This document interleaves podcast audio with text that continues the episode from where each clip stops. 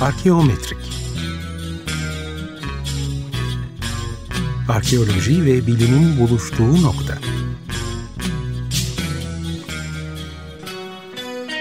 Hazırlayan ve sunanlar Ümit Cevher Elmas ve Berk Gazanfer Süleyman.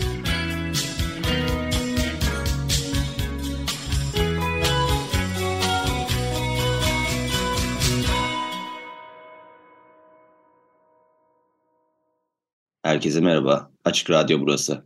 95.0. Arkeometrik programındasınız. Arkeoloji ve bilimin buluştuğu nokta. Ben Deniz Berk Kazanfer Süleyman. Bu hafta Cevher bizimle olmayacak. Bugünkü konuğumuz Jeofizik Yüksek Mühendisi Fırat Yiğit ve kendisiyle arkeolojide jeofizik yöntemlerinin kullanımı hakkında konuşacağız. Fırat Yiğit lisans eğitimi İstanbul Teknik Üniversitesi Jeofizik Mühendisliği bölümünü tamamladıktan sonra aynı üniversitede jeodinamik yüksek lisans yaptı. 2011'den bu yana e, uzman jeofizik mühendisi olarak birçok çalışmada yer aldı ve arkeojeofizik alanında uzman kendisi. Öncelikle hoş geldiniz Fırat Bey. Hoş bulduk. Merhabalar Berk Bey. Nasılsınız? Teşekkürler. Sizler nasılsınız? Ben de iyiyim. Teşekkür ederim. Sağ olun. Beni davet ettiğiniz için. Tabii ne demek. Ee, öncelikle kısaca jeofiziği açıklayabilir misiniz ve jeofiziğin dünyanın hangi fiziksel özelliklerini araştırdığına dair değinebilir misiniz? Biraz aslında sorunun içerisinde e, cevabı da verdiniz. Jeofizik yer kürenin, e, öncelikle yer kürenin fiziksel özelliklerini baz alarak e, içeriğinde neler var, e, nelerle karşılaşabiliriz, yerin içerisini modellemek üzerine e, kurulu bir bilim dalı. E, biz çeşitli e, aletleri kullanarak, e, teknolojiden yardım alarak yerin içerisini fiziksel özelliklerine bağlı olarak ortaya koymayı e, hedefliyoruz. E, jeofizik mühendisliğinin nihai amacı budur. Bu çeşitli e, alanlarda e, kullanılabilir. E, depremlerin incelenmesinden, e, yer içerisindeki e, teknonik hareketlerin incelenmesinden, e, yer e, kürenin çekirdeğinin incelenmesinden, e, bu kadar derinlikten çok daha sığ çalışmalar olan e, arkeolojiye kadar birçok alanda e, bir modelleme yapıp e, sonuçları ortaya koymak bizim ana amacımız. E, biz e, bunları yaparken yerin kendi sahip olduğu e, manyetik alanı kullanarak bunu yapabiliyoruz. Bu e, doğal yöntemler içerisine giriyor. Aynı zamanda yerin e, yer çekimini kullanarak e, bu e, yer çekiminin e, bir noktadaki e, ivmesini e, ölçerek e, bu çalışmaları gerçekleştirebiliyoruz. Yerin içerisinde çok düşük e, mikrovolt e, seviyesindeki e, gerilimleri e, hesaplayarak, bunları ölçerek e, bir e, çalışma gerçekleştirebiliyoruz. Bunun yanında e, jeofizik yöntemlerde e, yapay yöntemler dediğimiz yerin içerisine bir kaynak tarafından e, aslında biz bir elektromanyetik e, dalga göndererek, bir akustik dalga göndererek, e, bir elektrik dalga göndererek yer içerisindeki e, çeşitli katmanlar e, ve materyallerden e, yansımalarını kayda alarak e, bu şekilde de yerin içerisindeki e, fiziksel özellikleri kullanarak e, yer altını modellemeye çalışıyoruz. Ana olarak yaptığımız şey budur. Burada çalışma e, alanımızla ilgili e, hangi yöntemi doğru kullanacağımızı bilirsek e, o e, çalışmalarla birlikte biz iyi bir şekilde modelleme yapabiliyoruz. Aslında bahsettiğiniz gibi jeofizik alanında kullanılan yöntemler ve araçlar oldukça çeşitlidir. Ee, yani biraz bu yöntemler ve araçlardan bahsedebilir misin? Nelerdir ve nasıl çalışırlar? Daha e, derin çalışmalar için e, kullanılan yöntemlerimiz var. E, çok basitçe e, örneklemeye çalışacağım. E, petrol araştırmalarında daha çok e, sismik yöntemler e, ve elektromanyetik yöntemler ve gravite kullanılır yer çekiminin e, ivmesini ölçerek. E, maden araştırmalarında e, keza öyle. E, biz daha sığ çalışmalar gerçekleştiriyoruz.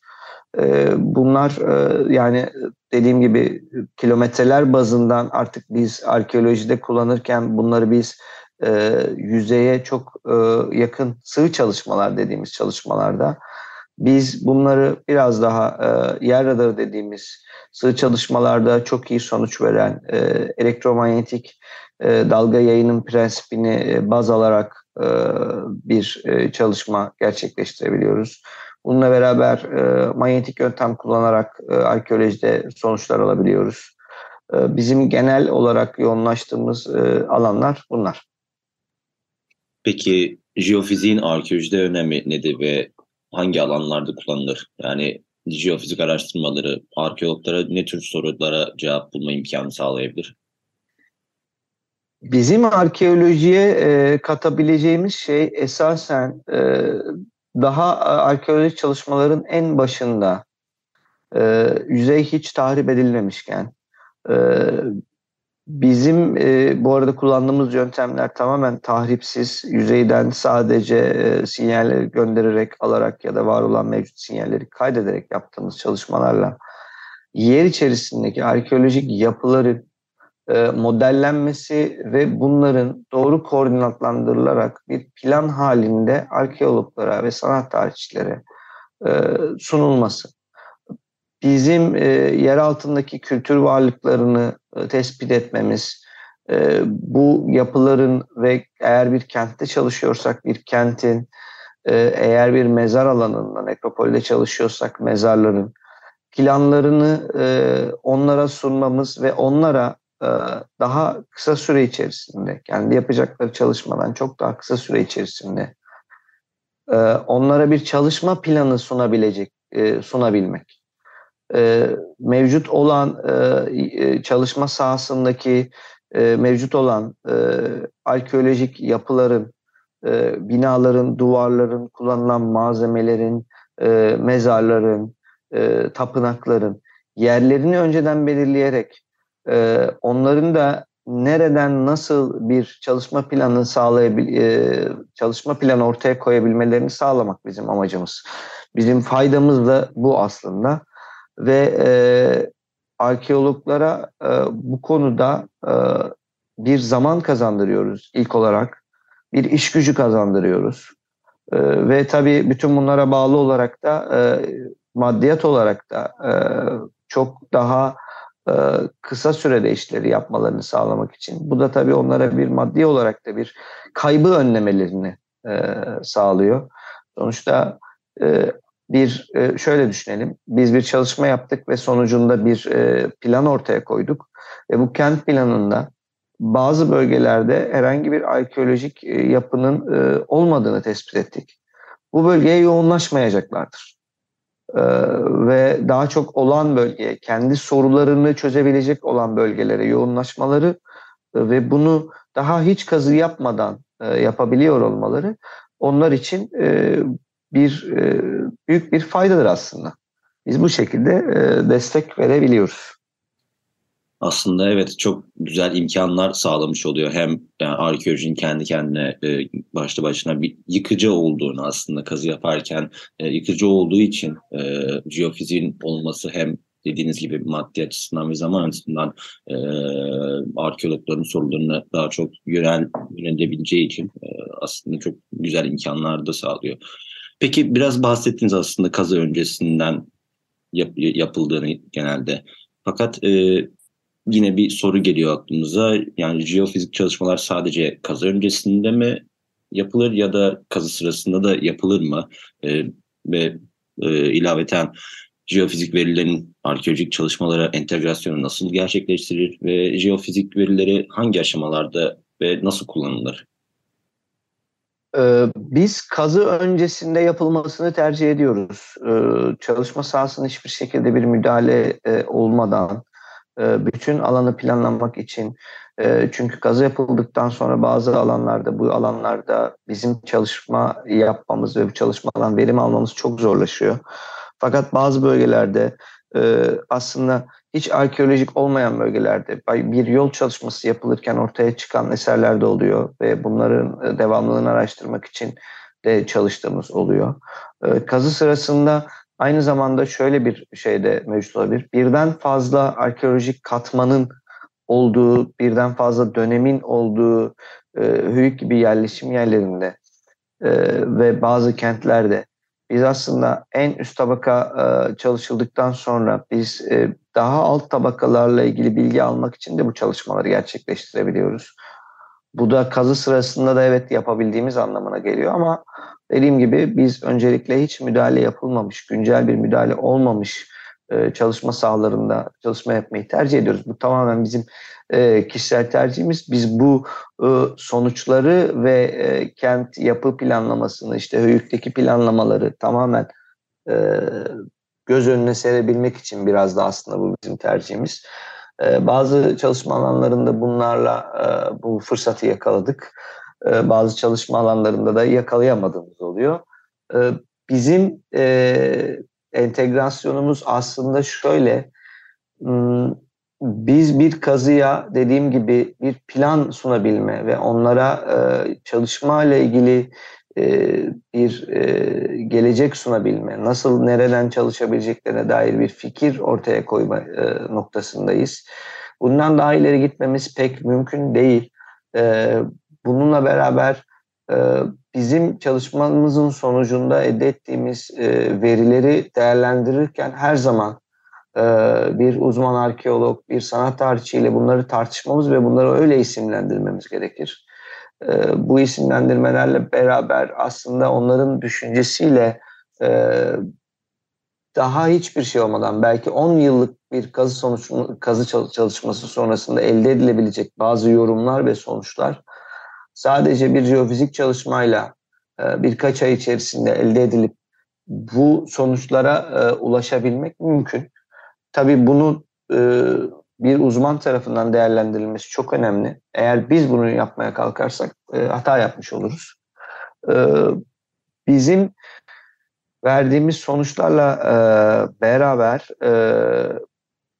aslında sadece biz bir yol gösterme süresi içerisinde yer alıyoruz. Bundan sonraki bir şeye müdahalemiz yok. Ee, ve bu e, arkeologlar için sadece bir e, iyi bir teknolojik destek anlamına geldiğini düşünüyorum ben. Biraz da sizin deneyimlerinizden yola çıkarak yani Urfa'dan İzmir'e kadar birçok arkeolojik projede uzman jeofizik mühendisi olarak yer aldınız ve çalışmalar yaptınız. Ee, bu projelerdeki deneyimlerinizden bazılarını paylaşabilir misiniz? Hangi jeofizik yöntemleri kullandınız ve ne gibi bulgulara ulaştınız? Bizim aslında bir güzel e, yani Türkiye'de bu işi yapmayla alakalı bir güzel şansımız var. E, Türkiye çok e, eski yani çok karmaşık bir tarihi dönemlere sahip ve bu sebeple ülkenin neredeyse her tarafında bugün tarihi eser diyebileceğimiz, kültür varlığı diyebileceğimiz çeşitli yapılar var. Bunların bir kısmı şu an mevcut durumda korunmakta, bir kısmının şu an arkeolojik çalışmaları, restorasyon çalışmaları yapılmakta. Bir kısmı da şu an hala tamamen toprak altında. Bu bize bir avantaj veriyor. Bir arkeojeofizik çalışmalar gerçekleştiren bir jeofizik mühendisi olarak. Biz ee, çalışma sahamız çok geniş aslında Türkiye'de. Ve bu genişliği biz kullanabiliyoruz. E, Protohistoryadan prehistoryaya, oradan Bizans'a kadar birçok alanda, e, birçok tarihi dönemin e, araştırılmasında e, yer aldık. Çok değişik arkeolojik yapıları ortaya çıkardığımız oldu. Hiç beklenmedik bir dönemde, yani prehistorik olduğu düşünülen bir höyükten e, bir Bizans yapısını ortaya koyduğumuz oldu. Elbette ben bunu şey için söylemiyorum. Hani biz olmasak da o Bizans yapısı zaten ortaya çıkacaktı. Sonuçta orada bir kazı yapılıyor. E, hocalar bir plan yapıyor ve o kazının sonucunda zaten o sonuca ulaşılacak. Biz sadece bunu biraz daha erken alıyoruz. Bununla beraber e, biz yer radarı dediğimiz yöntemin prensipini kullanarak e, yapılarda da çalışabiliyoruz restorasyon öncesi e, mevcut durumdaki e, tarihi eser olan e, bir binanın, bir yapının e, duvarlarında, kolonlarında, e, zemininde çalışarak oradaki problemleri ortaya koyup e, içerisindeki boşlukları, yapının e, bozuşma durumunu, e, bunları ortaya koyarak bir kez biz bunu e, Topkapı Sarayı deniz surlarında çalışma imkanım oldu benim. Orada uyguladık. Deniz surlarının kalınlığı e, 3-3,5 metreyi falan buluyor. E, bu bölgelerde deniz surlarının yapılmasını şöyle geleyim. E, iki taraftan e, bizim tabii e, sonuçta biz bu bilgileri mimarlardan ve arkeologlardan aldık. Bizim kendi şeyimiz değil. Yanlış da biraz aktarıyor olabilirim ama iki taraftan bir duvar örülerek e, orta kısmı da molozla e, kaplanarak, moloz ve harçla kaplanarak bu sur duvarları yapılmış. Ama zaman içerisinde e, çeşitli e, meteorolojik koşulların etkisiyle, su girişimlerinin etkisiyle e, bu duvarların iç kısımlarındaki harçlar ve mol, molozlar suyla beraber taşınmış ve e, artık oralarda boşluklar meydana gelmiş ve duvarın statiğini artık etkiliyor noktada. Biz duvar yüzeyinde bu çalışmaları yaparak duvar içerisindeki boşlukları haritaladık ve burada e, e, duvarın e, sur duvarının statiğini korumak için nasıl bir çalışma yapılması gerektiğini bizim çalışmamızın sonuçlarıyla planlamış oldular. Bu tarz e, farklı e, sonuçlar ve çalışmalar da gerçekleştirebiliyoruz e, ve e, aslında e, arkeolojik diyebileceğimiz, kültür varlığı diyebileceğimiz birçok alanda e, biz e, bu tarz çalışmalarla birlikte doğru çalışmayı eğer uygulayabilirsek e, ana olarak yapılan çalışmaya çok büyük faydalarımız dokunabiliyor. Peki bahsettiğiniz aslında e, yer radarından e, başka kullanılan yöntem de var mı? Atıyorum e, şu tarz kazılarda ya da şu döneme tarihlenen e, kazılara şu yöntem daha iyi dediğiniz e, deneyimlerinize göre tabii. E, o biraz ona da değinebilir misiniz?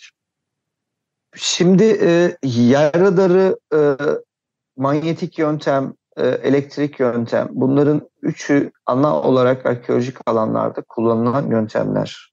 E, yer radarı elektromanyetik sinyali yerin içerisine gönderip yerin içerisinden yansıyan ve saçılan dalgaları e, kayıt ederek bize bir çalışma imkanı sunuyor e, yer radarının bu e, ana noktası aslında hepsinin ana noktası. Yer içerisinde bulunan farklı materyallerin sahip oldukları farklı fiziksel özellikler üzerinden e, yola çıkarak bunların arasındaki ayrışmayı, farklılığı ortaya koymak.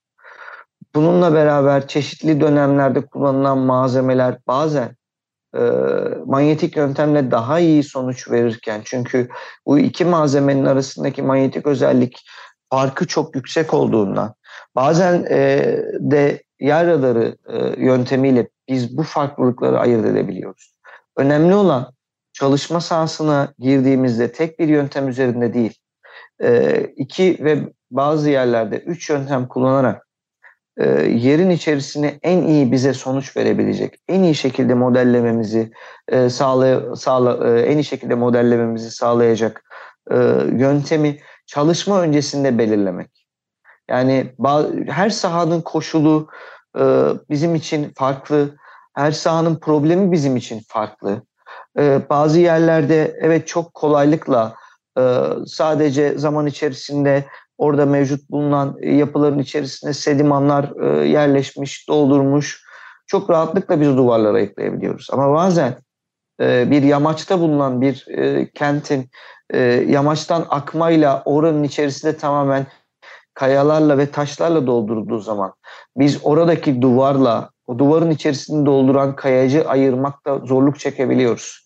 O yüzden çalışma öncesinde mevcut sahanın problemini aslında bizim için biraz işin güzel kısmı burada. Hiçbir zaman aynı problemi çözmüyoruz aslında. Aynı problemi çözdüğümüzü düşünsek de. Arkeoloji için de bu böyledir. Yani e, ömrü boyunca aynı dönemi çalışmış, benzer kentleri çalışmış bir e, profesör hocamız başka bir sahaya gittiğinde aynı dönem bile olsa orada başka problemlerle karşılaşır. Bizim için de bu böyle. Çalışma sahamız her zaman bize farklı problemler sunuyor. Ve bizim bu problemleri çözmemiz gerekiyor. Bizim işimizin biraz keyifli olan tarafı bu. Çünkü hiçbir zaman aynı problemle uğraşmıyoruz. Ama bu problemlerle uğraşırken de kullandığımız yöntemlerin e, neler yapabilip neler yapamayacaklarını biliyor olmamız e, önemli. Metodolojiyi ortaya koymamız önemli. E, neyi nasıl? Sonuçta biz Amerika'yı yeniden keşfetmiyoruz. Bütün dünyada uygulanan belli başlı sistemler var. E, ben de yeni bir sistem oluşturmuş değilim. Sadece mevcut olan sistemleri iyi bir şekilde okuduğum, araştırdığım ve e, yani dünyada benim meslektaşlarım nasıl yapıyorsa bu işi ben de onlar gibi başarıyla yapmaya çalıştığım için e, biraz çalışmaları takip ederek, biraz teknolojiyi takip ederek e, ve kullanılan veri işlem aşamalarını elimizde e, yani çalışma sonrasında elde ettiğimiz verileri en iyi nasıl sunabileceğimizi e, öğre, e, öğrenmeye çalışıyoruz. E, ve sahalarda biz manyetik yöntem mi uygulayacağız, elektrik yöntem mi uygulayacağız, yer radarı mı uygulayacağız? Bunları seçmeden önce bizim kesinlikle her sahaya girdiğimizde oradaki önsel bilgileri alıp bunlarla beraber e, bazı test çalışmaları gerçekleştirip hangi yöntem bizi için o sahada belki ikisini birden kullanacağız, belki üçünü birden kullanacağız, belki sadece birini kullanacağız. Diğeri hiç sonuç vermeyecek bize. Çünkü jeofizik şey gibi değil. Hiçbir zaman yüzde yüz sonuç alamazsınız jeofizikle. Var olabilen, alabileceğiniz en iyi sonucu almaya çalışırsınız. Ee, bu e, ve problemle ilgili de şöyle herkesin daha anlayabileceği bir şekilde söyleyeyim. Eğer vücudunuzda bir bölgenizde örnek veriyorum aşil tendonunda bir zarar meydana geldiğinizi düşündüğünüzde röntgen çektirmezsiniz. Röntgenle bir sonuç alamazsınız. Röntgenle alabileceğiniz sonuç e, vücudunuzdaki kemiklerde bir kırık var mı, bir çatlak var mı bunları görebilmek. MR çektirirsiniz. Eğer e, dokuyla alakalı e, örnek veriyorum işte tendonlarla alakalı bir probleminiz varsa ya da e, eğer bel fıtığınız varsa e, bunu röntgen çektirerek çözemezsiniz. E, doktor size MR'a yönlendirir, MR çektirirsiniz. Bunlar sonucunda ortaya çıkar. Bizde de durum bu. Eğer farklı bir yöntem uygulamaya kalkarsanız sonuç alamazsınız ya da kötü sonuç alırsınız en kötü olarak söyleyeyim yanlış sonuç alırsınız ve yanlış yönlendirirsiniz. Bu da tabii bayağı bir vakit kaybına ve maddi kaybına yol açar. Biz bu bulgular içerisinde e, en ana problem, ana çözmeye çalıştığımız nokta bu. Eğer biz doğru yöntemi seçip bunu doğru bir metodolojiyle uygularsak iyi bir sonuç alabiliriz. Az önce söyledim kesinlikle %100 sonuç almak gibi bir şey mümkün değil. Henüz o noktaya gelemedik. Belki ileride bir gün teknolojik olarak o noktaya da gelebiliriz. Ama önemli olan aldığımız sonuçları birincil olarak jeofizikteki en önemli nokta aldığınız sonuçları doğru koordinatlandırmaktır. Eğer ben bir arkeoloğa bir koordinat verip burada bir yapı elemanı ile karşılaşacağını söylersem ve e, ora kazıldığında orada çıkmaması belki o yapıyı yakaladım ama 2 metre kuzeyinde yakaladım, 5 metre kuzeyinde yakaladım. Ama yanlış yeri kazdırdım. Bu da çok büyük bir sonuca yol açabilir. O yüzden e, doğru konumlandırma, doğru sırayla gideyim. Doğru yöntem, doğru metodoloji, doğru konumlandırma bizim için en önemli kısımlar. Aslında şey kadar basit değil yani. Taş mimari varsa yer radar e, ya da işte kerpiç yapı varsa e, elektromanyetik kadar e, yani o kadar basit değil aslında birçok e, etken e, olduğu için siz de tabii e, farklı yöntemleri de değerlendirmek zorundasınız dediğiniz gibi. Ve evet çok da... basit değil çünkü e, aynı e, yani şöyle söyleyeyim e, eğer bir kireç taşından yapılma bir duvarı kireç taşı sedimanının içerisinde yakalamak istiyorsanız manyetik yöntem kullandığınızda biraz teknik olacak ama manyetik yöntem kullandığınızda bu ikisinin arasındaki manyetik anomaliyi yakalamanız çok zor. O yüzden farklı bir yöntem denemekte fayda var.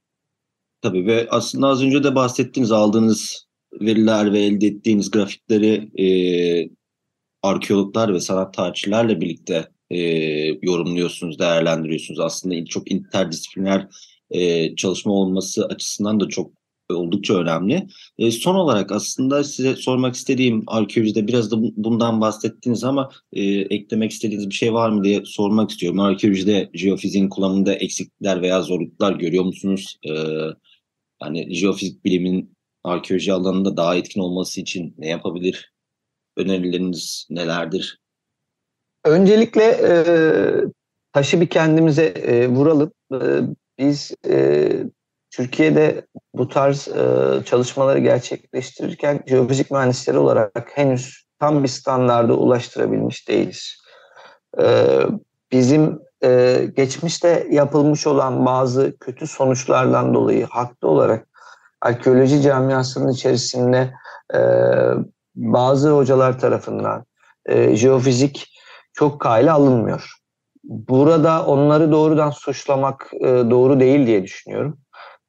Çünkü meslektaşlarımın da geçmişte yapmış olduğu bazı kötü çalışmalardan dolayı böyle bir e, artık ön yargı e, yerleşmiş durumda. Bunu öncelikle kendimizin düzeltmesi lazım. Öncelikle aynı alanda çalıştığım diğer meslektaşlarımla beraber belirli standartları yakalamamız lazım. E, çünkü biz bunun örneklerini de gördük. Birçok sahada ben bununla karşılaştım. Bizden önce yapılmış ama kötü sonuç alınmış jeofizik çalışmalar. Hatta e, şöyle söyleyebilirim. E, biz isimlendirmeleri az önce söyledim. E, yapı elemanlarını ya da bunların ne olduğunu isimlendirmesini uzmanlarla tartışarak karar verebiliriz. Biz asla kendimiz karar veremeyiz. Fakat bir meslektaşımın benzer şekilde gidip aldığı sonuca doğrudan isim verdiğini gördük. Bunlar çok yanlış yaklaşımlar. Bu birinci nokta. ikinci nokta arkeologların da e, bu yani en azından şöyle söyleyeyim sadece arkeologların değil e, e, aynı zamanda sanat tarihçilerinde bizden ne bekleyeceklerini de biraz bilmeleri gerekiyor. Yani bizim teknolojimizin ne sağladığı ile ilgili de e, çünkü bizden doğru bir şekilde problemi çözmemizi, bize problemi doğru aktarırlarsa biz de biraz daha doğru bir şekilde bu çalışmayı gerçekleştirebiliriz. E, ön yargılarını biraz kırmaya çalışıyoruz ama onlara da suç bulmuyorum bu konuda. Ee, onların e, bize biraz daha güvenip ve çalışma öncesinde bizi dahil etmeleri bizimle daha verimli olmamıza e, yol açacaktır. E, biz bunu birçok çalıştığımız birçok alanda gördük. E, bunları e, yaşadığımız iyi ve kötü deneyimler oldu. E, teknolojiye çok e, güvenmeyen, hala eski usul çalışmak isteyen e, hocalarımızı da gördük. Onları da yadırgamıyorum ama artık hayatımızın her alanında biz bu teknolojiyi çok verimli bir şekilde kullanılabilir hale gelmişken e, bu alanda da e, bunu başarabiliriz. E, hem kendimizi geliştirerek hem de çalışmalarımızı geliştirerek sonuçlarımızı daha iyi hale getirebiliriz. Bunun için sadece aslında yapmamız gereken az önce anlattığım doğru yöntem, doğru metodoloji, doğru konumlandırma.